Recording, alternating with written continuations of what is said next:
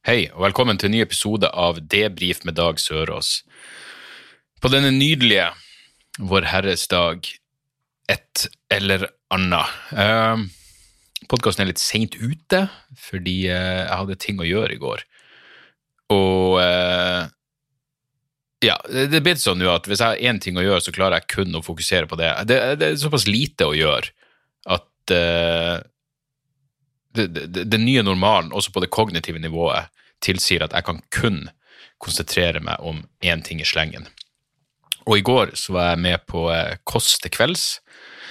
Um, og det var jævlig trivelig. Uh, jeg var litt skeptisk på forhånd, rett og slett fordi jeg har jo faen meg vært eh, i mer eller mindre total eh, sosial isolasjon hele året. Så, så, bare det å treffe naboen hvis vi tilfeldigvis kaster søpla samtidig, er jo faen meg Ja, det er jo en sosial utfordring av dimensjoner. Så eh, jeg kjente litt på den eh, angsten for å måtte forholde meg til en masse øh, si både fremmede, men også uh, kjente mennesker. Uh, folk jeg kjenner fra før av. Og heldigvis er jo både Else og Markus som styrer programmet, særdeles trivelige mennesker, og gjest, de andre gjestene var, var helt nydelige, så, så alt, gikk, alt gikk fint. Og De tar jo opp så jævlig lenge. Det tok vel faen meg opp over to timer, som da skal klippes ned til ja, et par og 40 minutter, eller noe sånt. Men det kommer uansett på, på lørdag, hvis dere føler for å, for å, få med dere det. Og etterpå så stakk jeg til Hans Magne en tur for en liten, en liten litt gin-marinering, og det var jævlig trivelig. Og ja, da ser jeg han igjen. Ser et menneske igjen. Og han skal jo eh, Han er vel nå ute på noe sånn jævla gå Hardangervidda på langs eh, Jeg vet da faen. Han skulle på en eller annen skitur. Og det er meldt eh, skikkelig dårlig vær, men han har noe sovepose som tåler minus 25 grader, og et spesiallagd telt som er håndsydd av Lars Monsen, og faen vet. Men fordi vi tok noen drinker, så sa jeg på temaet på et eller annet tidspunkt faen, det der kunne jeg tenkt meg å være med på. Altså Ikke nødvendigvis liksom, at jeg hiver meg rundt og er med i morgen, men en, en sånn tur. Uh, og, og, det sier noe om, uh, om, graden av kjedsomhet jeg føler på, når, når jeg seriøst sitter og sier at jeg kunne tenkt meg å vært med på å gå skitur, for det er jo ren jævla løgn. Men jeg tror vi la en sånn halvveis plan om å, om å gå noe, gjøre, gjør et eller annet når, når det blir litt mer sommerlig ute. For å gå, det kan jeg. Jeg er en seig faen. Uh, ski er ikke for meg, men akkurat det å, å, bare gå uh, lang tur uansett Til og med når vi gikk den jævla hva, hva er det man går i militæret? Femmil og tremil. Jeg, jeg kom ganske høyt opp på lista der. Jeg gikk fort. Jeg gikk femmila jævlig fort, for da var det ikke noe oppakning i tillegg. Og så gikk det litt tregere på, på tremila. Men jeg kan være en seig faen. Eh, så en sånn eh, langtur med GoPro-kamera og fleinsopp eh, til sommeren, det tror jeg, det tror jeg hadde, hadde, vært noe. Og mens vi snakker om fleinsopp, så er det jo Det skjer jo ting! Med hensyn til rusreformen, regjeringa har jo lagt frem sitt forslag, og det, det, det er Det er faen meg merkelig å høre hvor lite peiling enkelte politikere har. Altså, Ofte når politikere snakker om ting, så er det jo ting som jeg ærlig talt ikke bryr meg om, som jeg ofte syns er sykt kjedelig, og du tar jo nesten Selv om det er en debatt, selv om det er, er, er ytterpunkter og, og, forskjellige ideologier som skal, som skal stå opp mot hverandre, så har man liksom I hvert fall jeg har en sånn naiv tiltro til at begge sider er nå i den virkelige verden når de kommuniserer. Og så kommer, så kommer, vi til rusreformen, som jeg faktisk har peiling på, og så ser du at det, mange av de folkene som er motstandere, har jo for det første åpenbart ikke de, de, har ikke satt seg inn på det mest grunnleggende måte hva det her handler om. Jeg mener, Senest nå på Politisk kvarter så var det ordføreren i Porsgrunn tror jeg det var, fra Arbeiderpartiet, motstander av rusreformen. Uh, og Han driver og prater om ja nei, men rusreformen, vi skal ikke ha noe legalisering av narkotika. Altså, Legalisering, er det virkelig ordet du leter etter? Legalisering? Det er vel uh, i beste tilfelle avkriminalisering, men selv det passer jo ikke inn som begrep når det kommer til rusreformen. Men på så jævla grunnleggende nivå så vet de ikke hva de snakker om. Og det, det er fascinerende. Og når de da skal og hør, det, det her var en debatt som da skulle delvis handle om om straff funker. Han sitter og sier straff funker, straff funker. Og programlederen sier ok, hvordan eh, forskning har du å henvise til her? Han bare nei, men alle vet jo at straff funker, jeg vet jo at straff funker. Jeg snakka med noen som ble straffa, og de sa straff funker. Ja, men hvordan forskning har du å henvise til? Han hadde ingenting. Han sa at han, ja, han hadde masse forskning, men han hadde det ikke med seg. Vel, her er et forslag. Neste gang du skal i en debatt for å debattere et spesifikt tema, ta med deg fotnotene dine. Så du har noe å fuckings henvise til, for motparten, hun hadde fotnotene på plass. Og det ser du når du kommer til akkurat det her. Alle vet at rusreformen er så kontroversiell, og det bringer ut så jævla sterke følelser i folk at du må ha Du må ha empirien på plass. Og det har virkelig de som argumenterer for en rusreform. Og dæven, altså, det må jeg bare si. Hvis, hvis Arbeiderpartiet setter kjepper i hjulene på denne jævla reformen Jeg kommer aldri, Og jeg stemmer bestandig pragmatisk. Jeg kan stemme på partiet jeg ikke det er, For det første det er ingen parti jeg er enig med i alt. Det er ikke engang i nærheten av å være noen parti jeg er enig med i. Enig med i med alt. Enig med Det er ingen parti Fuckings alle parti har masse feil. Men jeg, jeg, kan stemme på jeg, kan stemme, jeg stemmer pragmatisk. Men hvis Arbeiderpartiet fucker opp rusreformen, så kommer jeg aldri mer i mitt liv til å gi dem en stemme. Hvis de går inn i en uhellig fuckings Snakk om den hellige, uhellige treenigheten med Senterpartiet, eh, Fremskrittspartiet og Arbeiderpartiet. For det er det Senterpartiet de vil bygge eh, flertall for en alternativ rusreform. Alternativ rusreform fortsetter som før. Det er derfor den heter alternativ. Alternativ, det er akkurat det samme. Det, du, du, får ikke lov til å bruke ordet alternativ eller rus eller reform i det de foreslår. Men de vil ha Arbeiderpartiet og Fremskrittspartiet med. Og hvis, hvis Arbeiderpartiet går med på denne fuckings aids-trekanten med ubeskytta mindreårig sex, så kommer jeg aldri mer i mitt liv til å stemme på Arbeiderpartiet. Og Senterpartiet glimter jo til nok en gang med altså, Det Senterpartiet foreslår, er Det er ganske ekstremt. For det første La meg bare lese det her. Og la meg legge til, Det er mange som har spurt meg tidligere hvordan jeg kan drive og si at eh, Eller, eller hvor jeg har det ifra at, eh, at 10 eh, av de som bruker illegale rusmidler, inkludert heroin, får et problem med det. 90% har ingen problem. 90% er rekreasjonelle brukere som ikke har noe, får ingen negative konsekvenser for uh, deres livsmestring. Uh, og Det kom jo opprinnelig fra FN, men nå er jo det etablert som en sannhet. Så I dagens Klassekampen kan vi f.eks. lese her straffefriheten for bruk og besittelse skal her hvis rusreformen går igjennom. Straffefriheten for bruk og besittelse skal gjelde både for de ca. 10% av narkotikabrukerne som har rusproblem, og de 90 som bruker narkotika rekreasjonelt, altså for nytelse, avslapping eller moro, men som ikke har et rusproblem. Og det er selvfølgelig uakseptabelt for Senterpartiet. Hvordan kan vi, vi kan, jeg, jeg, vil, jeg, vil, ikke leve i en verden hvor 90% av de som bruker narkotika, gjør det for nytelse, avslapping eller moro uten at det har noen negative konsekvenser. Sånn kan vi ikke ha det. Så de vil jeg mener, tenk over, det, det, det, høres bare ut som ord, men tenk over hvor radikalt det de faktisk foreslår er. Hovedlinjene i Senterpartiets og så står det rusreform i anførselstegn, så det, det, skal de ha her. De er ironien bevisst. Hovedlinjene i Senterpartiets rusreform er der det er mistanke om at bruk eller besittelse av narkotika er knytta til avhengighet, skal, brukere, skal brukeren ikke forfølges strafferettslig. Rekreasjonell bruk skal fortsatt være juridisk straffbart. Som betyr at Senterpartiet oppfordrer til rusavhengighet. Hvis du først skal prøve narkotika, så bør du bli avhengig. Du bør utvikle et problem. For hvis du bare er en rekreasjonell bruker, så får du et problem, for da skal du juridisk straffeforfølges. Så det Senterpartiet vil, det er å skaffe insentiv for mer rusavhengighet, og så vil de avskaffe likhet for loven. Er det bare meg, eller er det, er det ganske radikalt standpunkt? Er det ganske ytterliggående på helt feil fucking side? Hvorfor trenger folk som bruker narkotika for nytelse, avslapping eller moro, behandling? Hæ? Spørsmålet er jo hvordan skal vi behandle de faktaresistente og reaksjonære moroklumpene i Senterpartiet? Det er jo det som er spørsmålet. Og herregud, for et traurig parti de er. Vet du, Det er stor underholdningsverdi, eh, stor underholdningsverdi i en eh, kronikk i, eh, si det i Aftenposten, min, min favorittdel av Aftenposten, hvor ungdommen fordeler sin visdom. Eh, for der er det leier Ikke bare er det her, selvfølgelig står det på nynorsk, noe annet skulle fuckings tatt seg ut. Men det er leier i Møre og Romsdal Senterungdom, Dordi, Buksap, Lerum. Det er det hun heter, det er ikke jeg som prøver å gjøre narr av henne.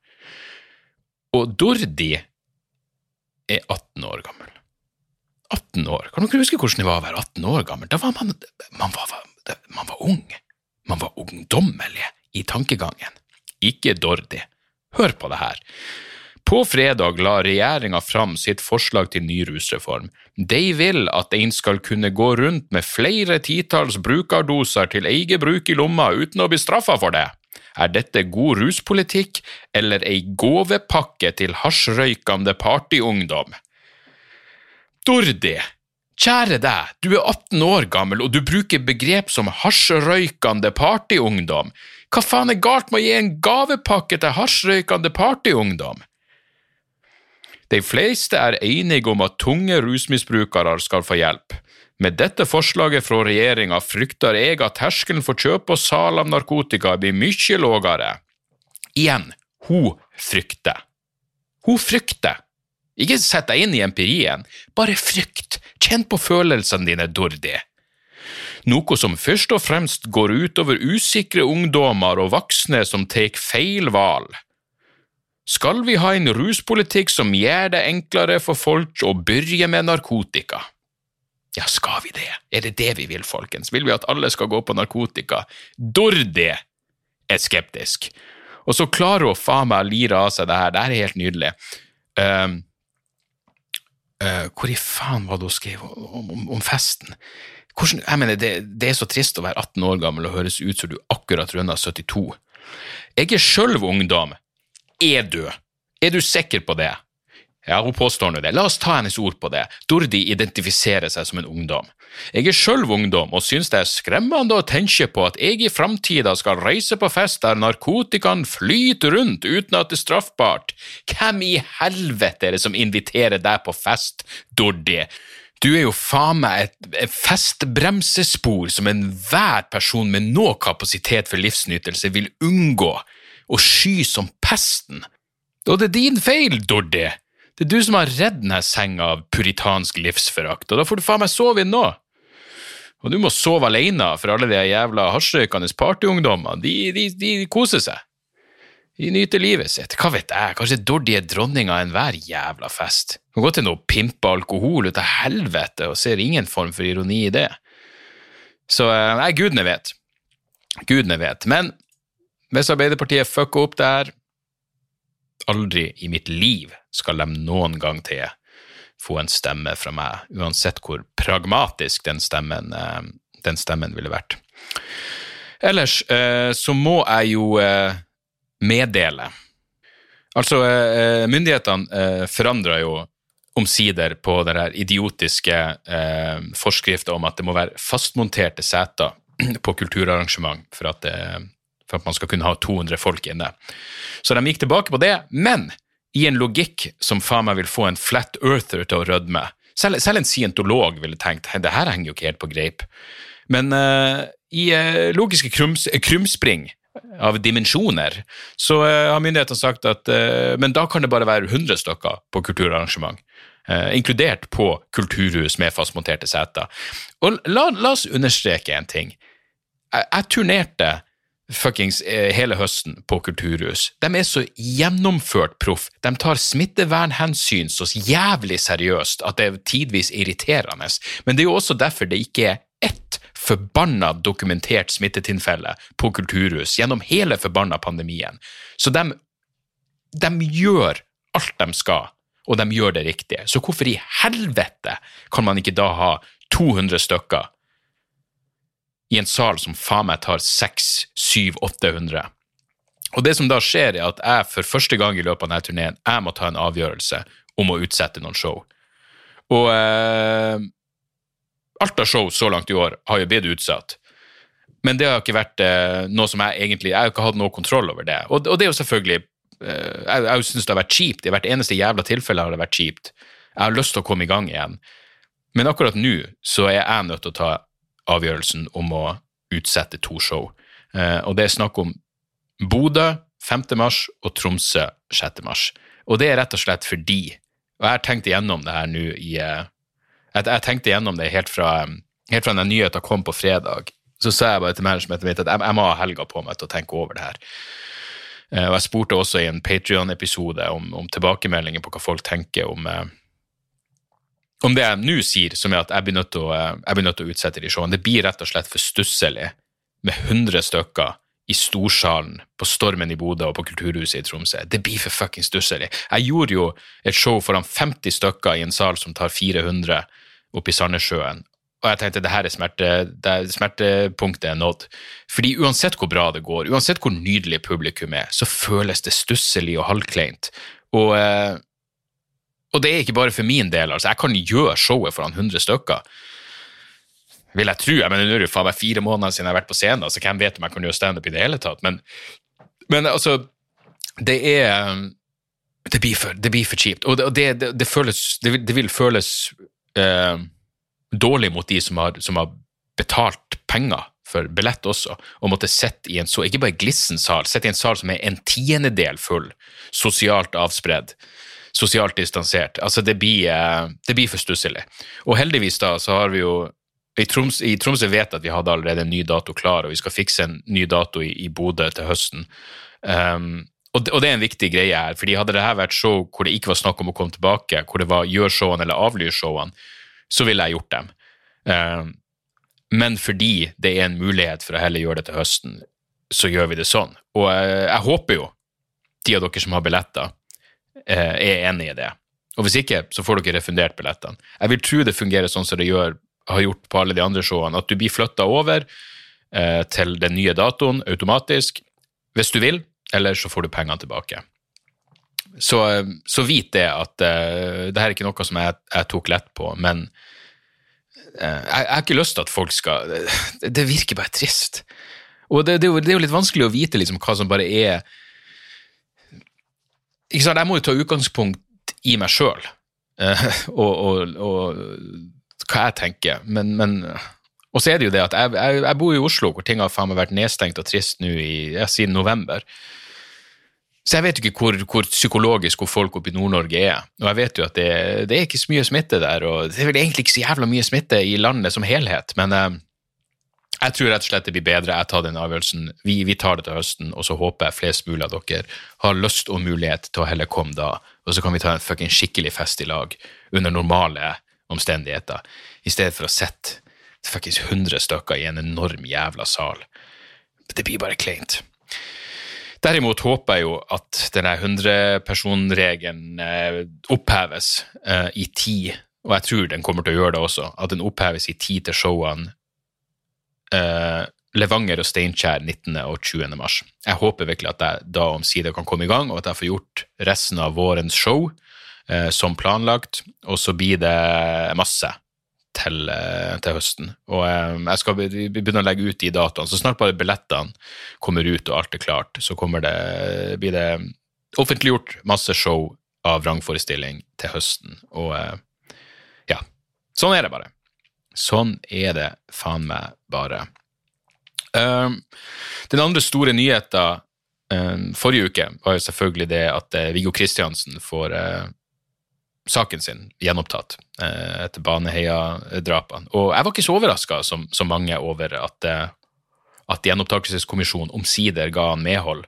Fordi jeg, jeg har seriøst tenkt at, eh, at, at det, det, presset, altså det, hva man skal kalle det, det kulturelle presset som har kommet fra den boka 'Drapen i Baneheia', dokumentarserien og ikke minst den podkastserien også, det, det, har gjort at eh, jævlig mange flere har fått øynene opp for hvor i, i, i, beste tilfelle syltynt grunnlag Viggo Kristiansen ble dømt på. Og jeg tenker at denne Saken er jo nesten en sånn Occams racer, hvor du må tenke at eh, den enkleste løsninga, den, den løsninga som krever færrest parter, eh, færrest deler, mest sannsynlig er den rette. Og hvis dere, Spesielt hvis dere leser den 'Drapen i Baneheia'-boka, der mener jeg at det forklares ganske ganske overbevisende hvorfor, hvordan Jan Helge Andersen kunne, gjort det her på egen hånd.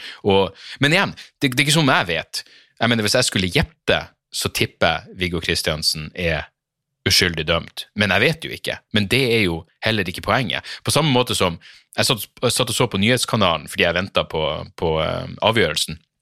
Og det første reporteren, altså nyhetsankeret i TV 2 spurte reporteren sin om, var hvordan tar de etterlatte det her? Altså de etterlatte etter, etter uh, de, de, to jentene.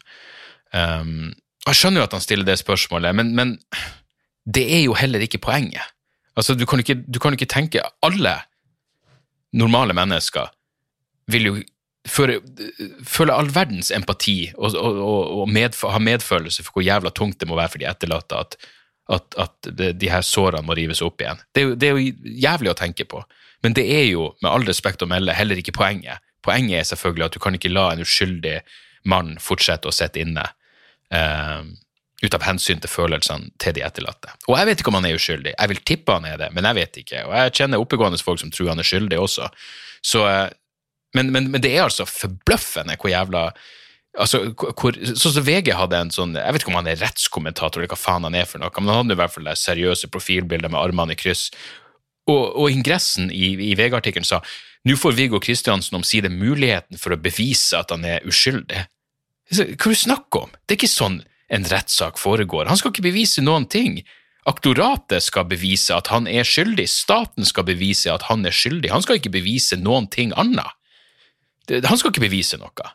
Det er ikke sånn, jeg mener, Hvis du faen ikke har fått med deg, på samme måte som du ikke klarer å skille legalisering og avkriminalisering og det rusreformen faktisk er, så klarer du faen ikke å, å ha kontroll på det mest grunnleggende rettsprinsippet, som er, som er at enhver en tiltalt er, er, uskyldig inntil det motsatte er bevisst, og at tvilen skal komme tiltalte til gode.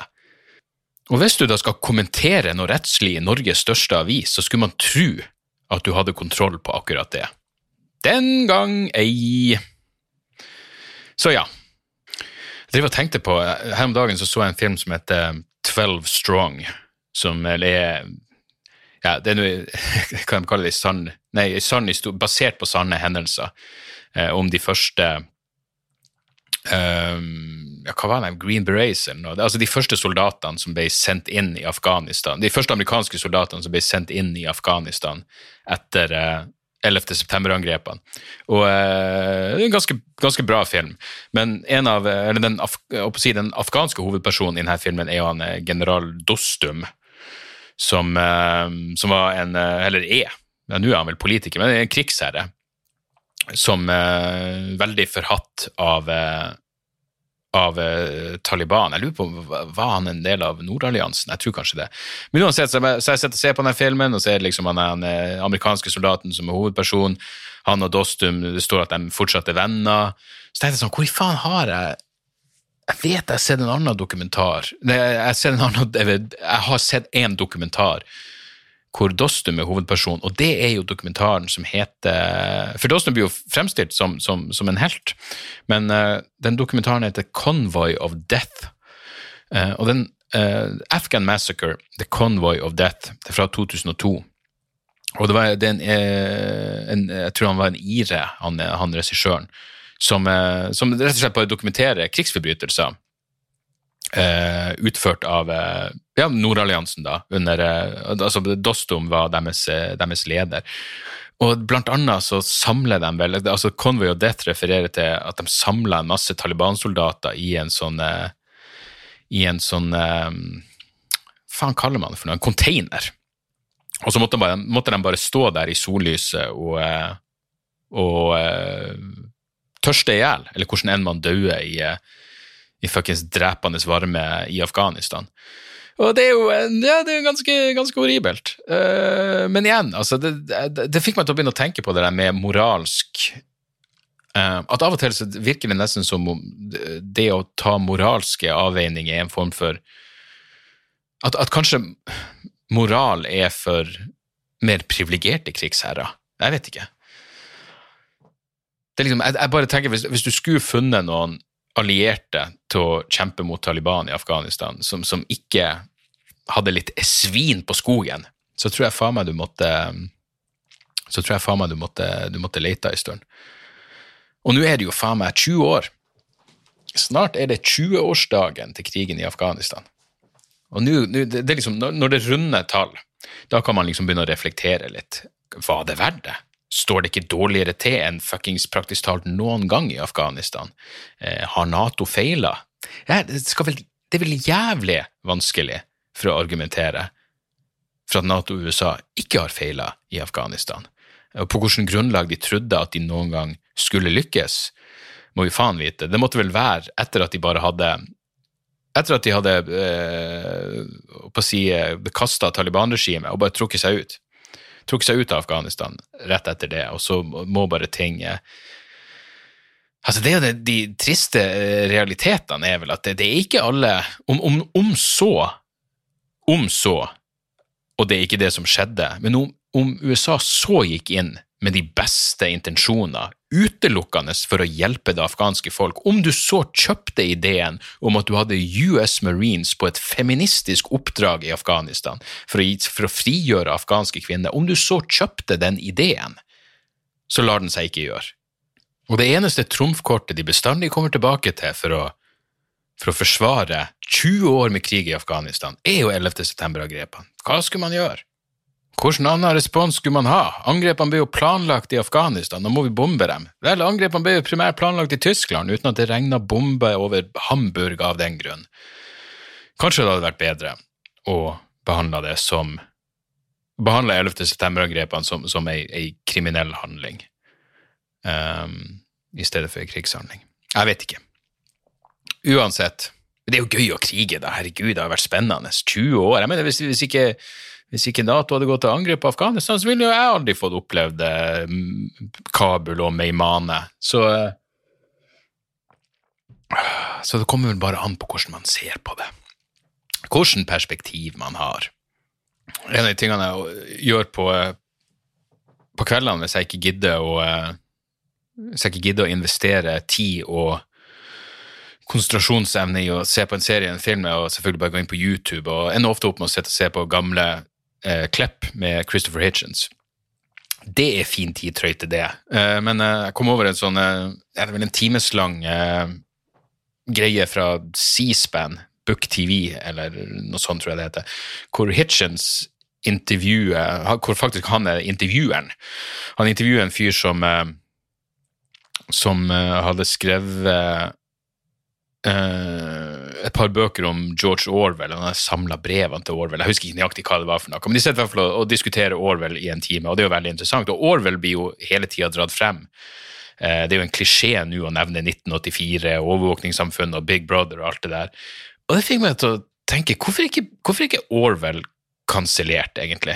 Jeg, jeg kom til å tenke på det i forbindelse med Hva faen het hun den eh, hun som ble Disney og spiller vel i The Mandalorian, og eh, Gina Carano heter hun.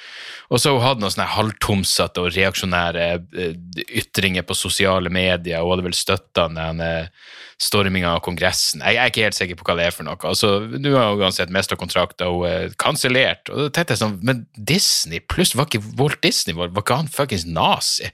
Var ikke han en jødehater? Jeg er faktisk ikke helt sikker på det. Jeg prøvde å finne noen referanser til det. fordi her, her, er det sånn som uh, tomme rykter egentlig sprer seg. Jeg, jeg, jeg kunne bidratt til å spre et tomt rykte nå, fordi grunnen til at jeg trodde at Walt Disney var en jødehater, var ei enkel scene i Family Guy hvor de har eh, sånn, hatt sånn nedfrysning av Walt Disney, og så skal de tine han og vekke han til live igjen. Og det første han sier, er 'Are the Jews still here?'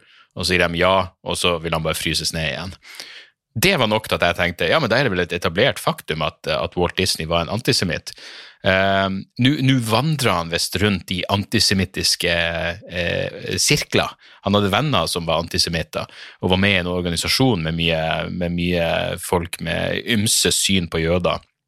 Så det er jo ikke tatt ut av intet, men det er vel ikke noe Etter som jeg har forstått, etter veldig uh, overfladisk research, så vet jeg ikke hvor mye hold det er i ideen om at Walt Disney var nazist. Men burde ikke da alt av Disney kanselleres? Eh, hvis grunnleggeren var eh, bokstavelig talt hadde nazisympatier, eh, eller i hvert fall delte eh, det, si, det mest eh, fundamentale aspektet ved nasjonalsosialismen, nemlig jødehatet. Hva, hva er det jeg snakker om? Hvorfor prater jeg som et, prater man et torp på Urix? Hvis fuckings Walt Disney var en jævla nazi, så burde de kansellere fuckings alt Disney har gjort per definisjon. Men her er spørsmålet. Hvorfor blir ikke Orwell kansellert? Eh, hvorfor, hvorfor, kan folk drive og prate om 1984 og, eh, og, og, og, anbefale den? Hvis du vil skjønne verden nå, så må du lese 1984. Den er skrevet i 48, den handler om 84, men den, den handler jo egentlig om 2020. For Orwell var visstnok en rabiat homofob. Han hata homser. Eh, hata vegetarianere og homofile. Og eh, jeg visste ikke det her. Uh, men, men, Hitchens og han andre karen sitter liksom og diskuterer det. Jeg tenker, det, det må, det, det, Ned med Orwell, for faen! Hvordan kan han brukes som en helt? Uh, hvordan, hvordan, kan vi noen gang se på Animal Farm på samme måte igjen, hvis vi vet at Orwell hater homofile og vegetarianere? For ikke snakk om homofile vegetarianere. Der, der var han nådeløs! Der argumenterte han helt skamløst for, uh, for utryddelse. Så, um, så nei, det, det, er vel ingen som er plettfri. Det er vel ingen som har fuckings plettfri vandel. Uh, og det er, det er den triste realiteten. Når, når selv en krigsherre fra Nordalliansen har svin på skogen, moralsk sett, så, så er, er, det håp for noen av oss da. Jeg vet ikke. Vi skal dra det her i land med et par tips. Uh, jeg holder fortsatt på å se på den Adam Curtis. Uh, den er jo så jævlig lang. Men den kan anbefales. Can't Get You Out of My Head, den nye, nye Adam Curtis-dokumentaren. Det er altså det er så mye. Det er plutselig Det er, det, det er vel seks episoder på over en time hver, så det er mye, og jeg, jeg vil, jeg vil faen ikke komme meg halvveis engang. Men den, den, er syk. Du, du blir så, hvis du, hvis du, kommer inn i det, hans måte, hans, uh, hans um, ganske sånn monotone stemme som prater, og denne, de arkivfotoene. Hans måte å legge frem ei historie på. Og til og med når han prater om ting som jeg kan noe om, så er det bestandig overraskende vinklinger når han drar inn noen karakterer jeg ikke visste om. Men hvis du, hvis du bare Er mitt tips, ikke, ikke eh, for det var det jeg gjorde. Ikke engang sjekk på forhånd hva dokumentarserien handler om. Bare tenk, jeg skal se seks timer om noe, og skal jeg bare komme inn i det. Uten å vite på forhånd hva det handler om. For det er det det begynner Der er kjæresten til Mao, og så er det MK Ultra, og så er det plutselig JFK og Illuminati og det britiske imperiet og benær tankegang, og plutselig ser vi over på kunstig intelligens. Hvor er det her på vei henne? Vel, han finner en sammenheng, og det er alltid dypt fascinerende. Adam Curtis er jo eh, en, en, en uvanlig interessant og finurlig skapning. Så alle hans dokumentarer kan anbefales. Eh, men Can't Get You Out of My Head virker helt knall. Og den, den, andre jeg virkelig vil anbefale han, eh, først og fremst, er jo The Century of the Self. Um, og utenom det så vil jeg anbefale en dokumentar jeg så som var meget, meget bra, som heter The Dissident. Den nye dokumentaren til han som lagde Icarus, den Dopin-dokumentaren som ligger på Netflix, som virkelig tok ei plutselig ei vending der. Men The Dissident handler jo om Jamal Khashoggi, som ble myrda på uh, Eh, Saudi-Arabia sitt konsulat i, eh, i, Tyrkia. Det var en veldig kjent historie. Jeg visste ikke eh, Jeg trodde bare at Jamal Khashoggi var en sånn ja, opprørsk journalist som, som, liksom hele tida har vært kritisk til, til Saudi-Arabia, det monarkiet der. Men jeg visste jo ikke at han var en insider, at han var god venn med Mohammed bin Salman. og Fascinerende jævla historie. Så The Dissident kan, kan absolutt absolutt anbefales. Og så kom jeg over en serie som er dritbra. Jeg lurer på om det var godeste Doffedutten som, eh, som tipsa meg om den, men den heter Counterpart. Jeg lurer på om det bare ble to sesonger av den, men den faen meg, altså den ble jeg Den likte jeg. For jeg og fruen begynte å se eh, Det her nevnte jeg på Patrion-episoden, men, men, uansett. Eh, jeg har fruen begynt å se uh, uh, 30 Coins, den spanske horrorserien på, uh, på, HBO, og den begynte så jævlig bra, og så ble den så jævlig dårlig i løpet av én episode. Så når vi var ferdig med første episoden, så sa bare fruen sånn Du, vi får bare behandle det her som om vi har sett en dårlig film, for jeg gidder ikke mer av denne serien. Og jeg var 100% enig, men den åpningsscenen er så jævlig kul, og det virker så ja, Det virker dritfett, og så blir det bare så jævlig dumt. Men, så da, da skippa vi den, og så begynte vi på Counterpart. Og det er lenge siden jeg har sett en serie som jeg ble så jævlig sugd inn i allerede fra, ja, fra første sekund, egentlig. Han eh, Hva faen heter han skuespilleren? Han er jævlig bra. Um, han sånn, du, nei, jeg vet ikke om, Er det noe i den teorien om at du mister håret fordi du har mye testosteron? Jeg tror bare det er bullshit som skalla folk bruker for å rettferdiggjøre sin eksistens. Uh, men uansett, han her, han her, kan jo faktisk underbygge den teorien. JK Simmons heter han. Dritbra. Dritbra skuespiller. Og det her er sånn, det er sånn sci-fi og det er tidsreising, og jeg vet ikke helt hva som foregår enda, og parallelle univers. Dritbra. Virker virkelig helt knall. Så Counterpart kan eh, absolutt anbefales. Og så tre, tre kjappe eh, norske platetips. Uh, Vest-Indien fra Bergen, en skive som heter Null. Jeg, lurer, jeg, jeg, prøver å finne ut, for jeg tenkte sånn, uttaler jeg det feil? Er det Vestindien, eller er det Vestindien? Jeg går for Vestindien, og hvis det er Vestindien, så får det så bare være. Eller Vestindien, hvem vet? Jeg lurer på om det er et horehus i Bergen, eller et gammelt gledeshus i Bergen. Men i hvert fall, de er nå et band, og den skiva Null er jævlig bra. virkelig. Det, det, er akkurat som en blanding av Av og til høres det ut som black metal, av og til høres det ut som King Diamond.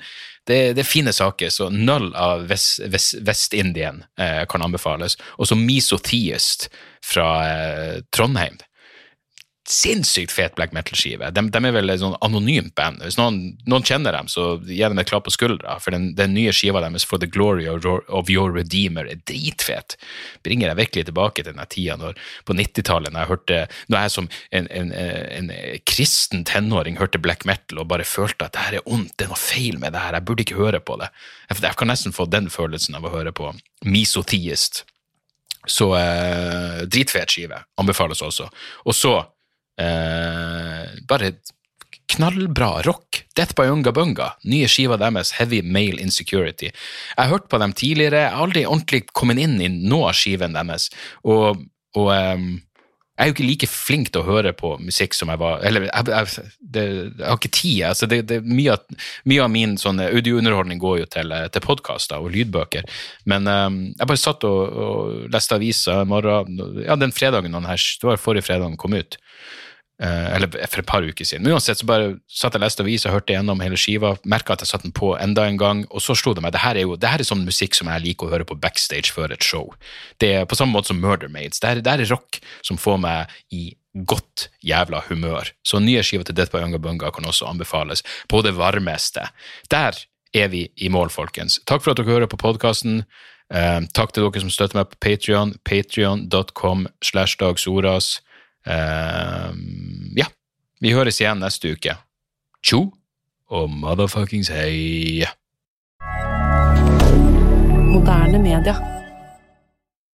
Da er det reklametid, og ukens annonsør er fiken.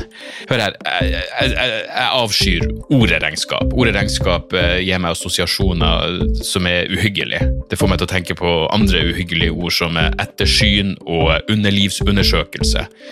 Men regnskap er et nødvendig onde, og fiken er et så enkelt regnskapsprogram at selv jeg kan klare å ha kontroll på finansene hvis jeg bruker det. Eh, du kan registrere kjøpene dine bare med å ta et bilde av kvitteringa med appen, og så kan du bare hive, hive kvitteringen. Hvor nydelig kan det bli?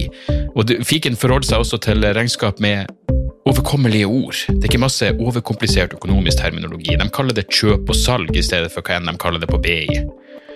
Og du kan, eh, du kan få fiken til å sende purringen dine, sånn at du slipper å gjøre det sjøl. Slipper du de flaue øyeblikkene hvor du må skrive 'unnskyld meg, men det står noe utestående her, kan du fikse det fortest mulig', eller må jeg sende, sende mafiaen etter deg? Nei, fiken fikser det der, så kan du skylde på algoritmene. Du slipper dårlig stemning. Jeg syns det er utrolig greit å slippe å styre med sånne ting sjøl, og nå kan du prøve fiken gratis i 30 dager. Hva, hva har du å tape? Bokstavelig talt ingen verdens ting. Så gå inn på fiken.no og prøv fiken gratis i 30 dager. Ok? Det var ikke så vanskelig.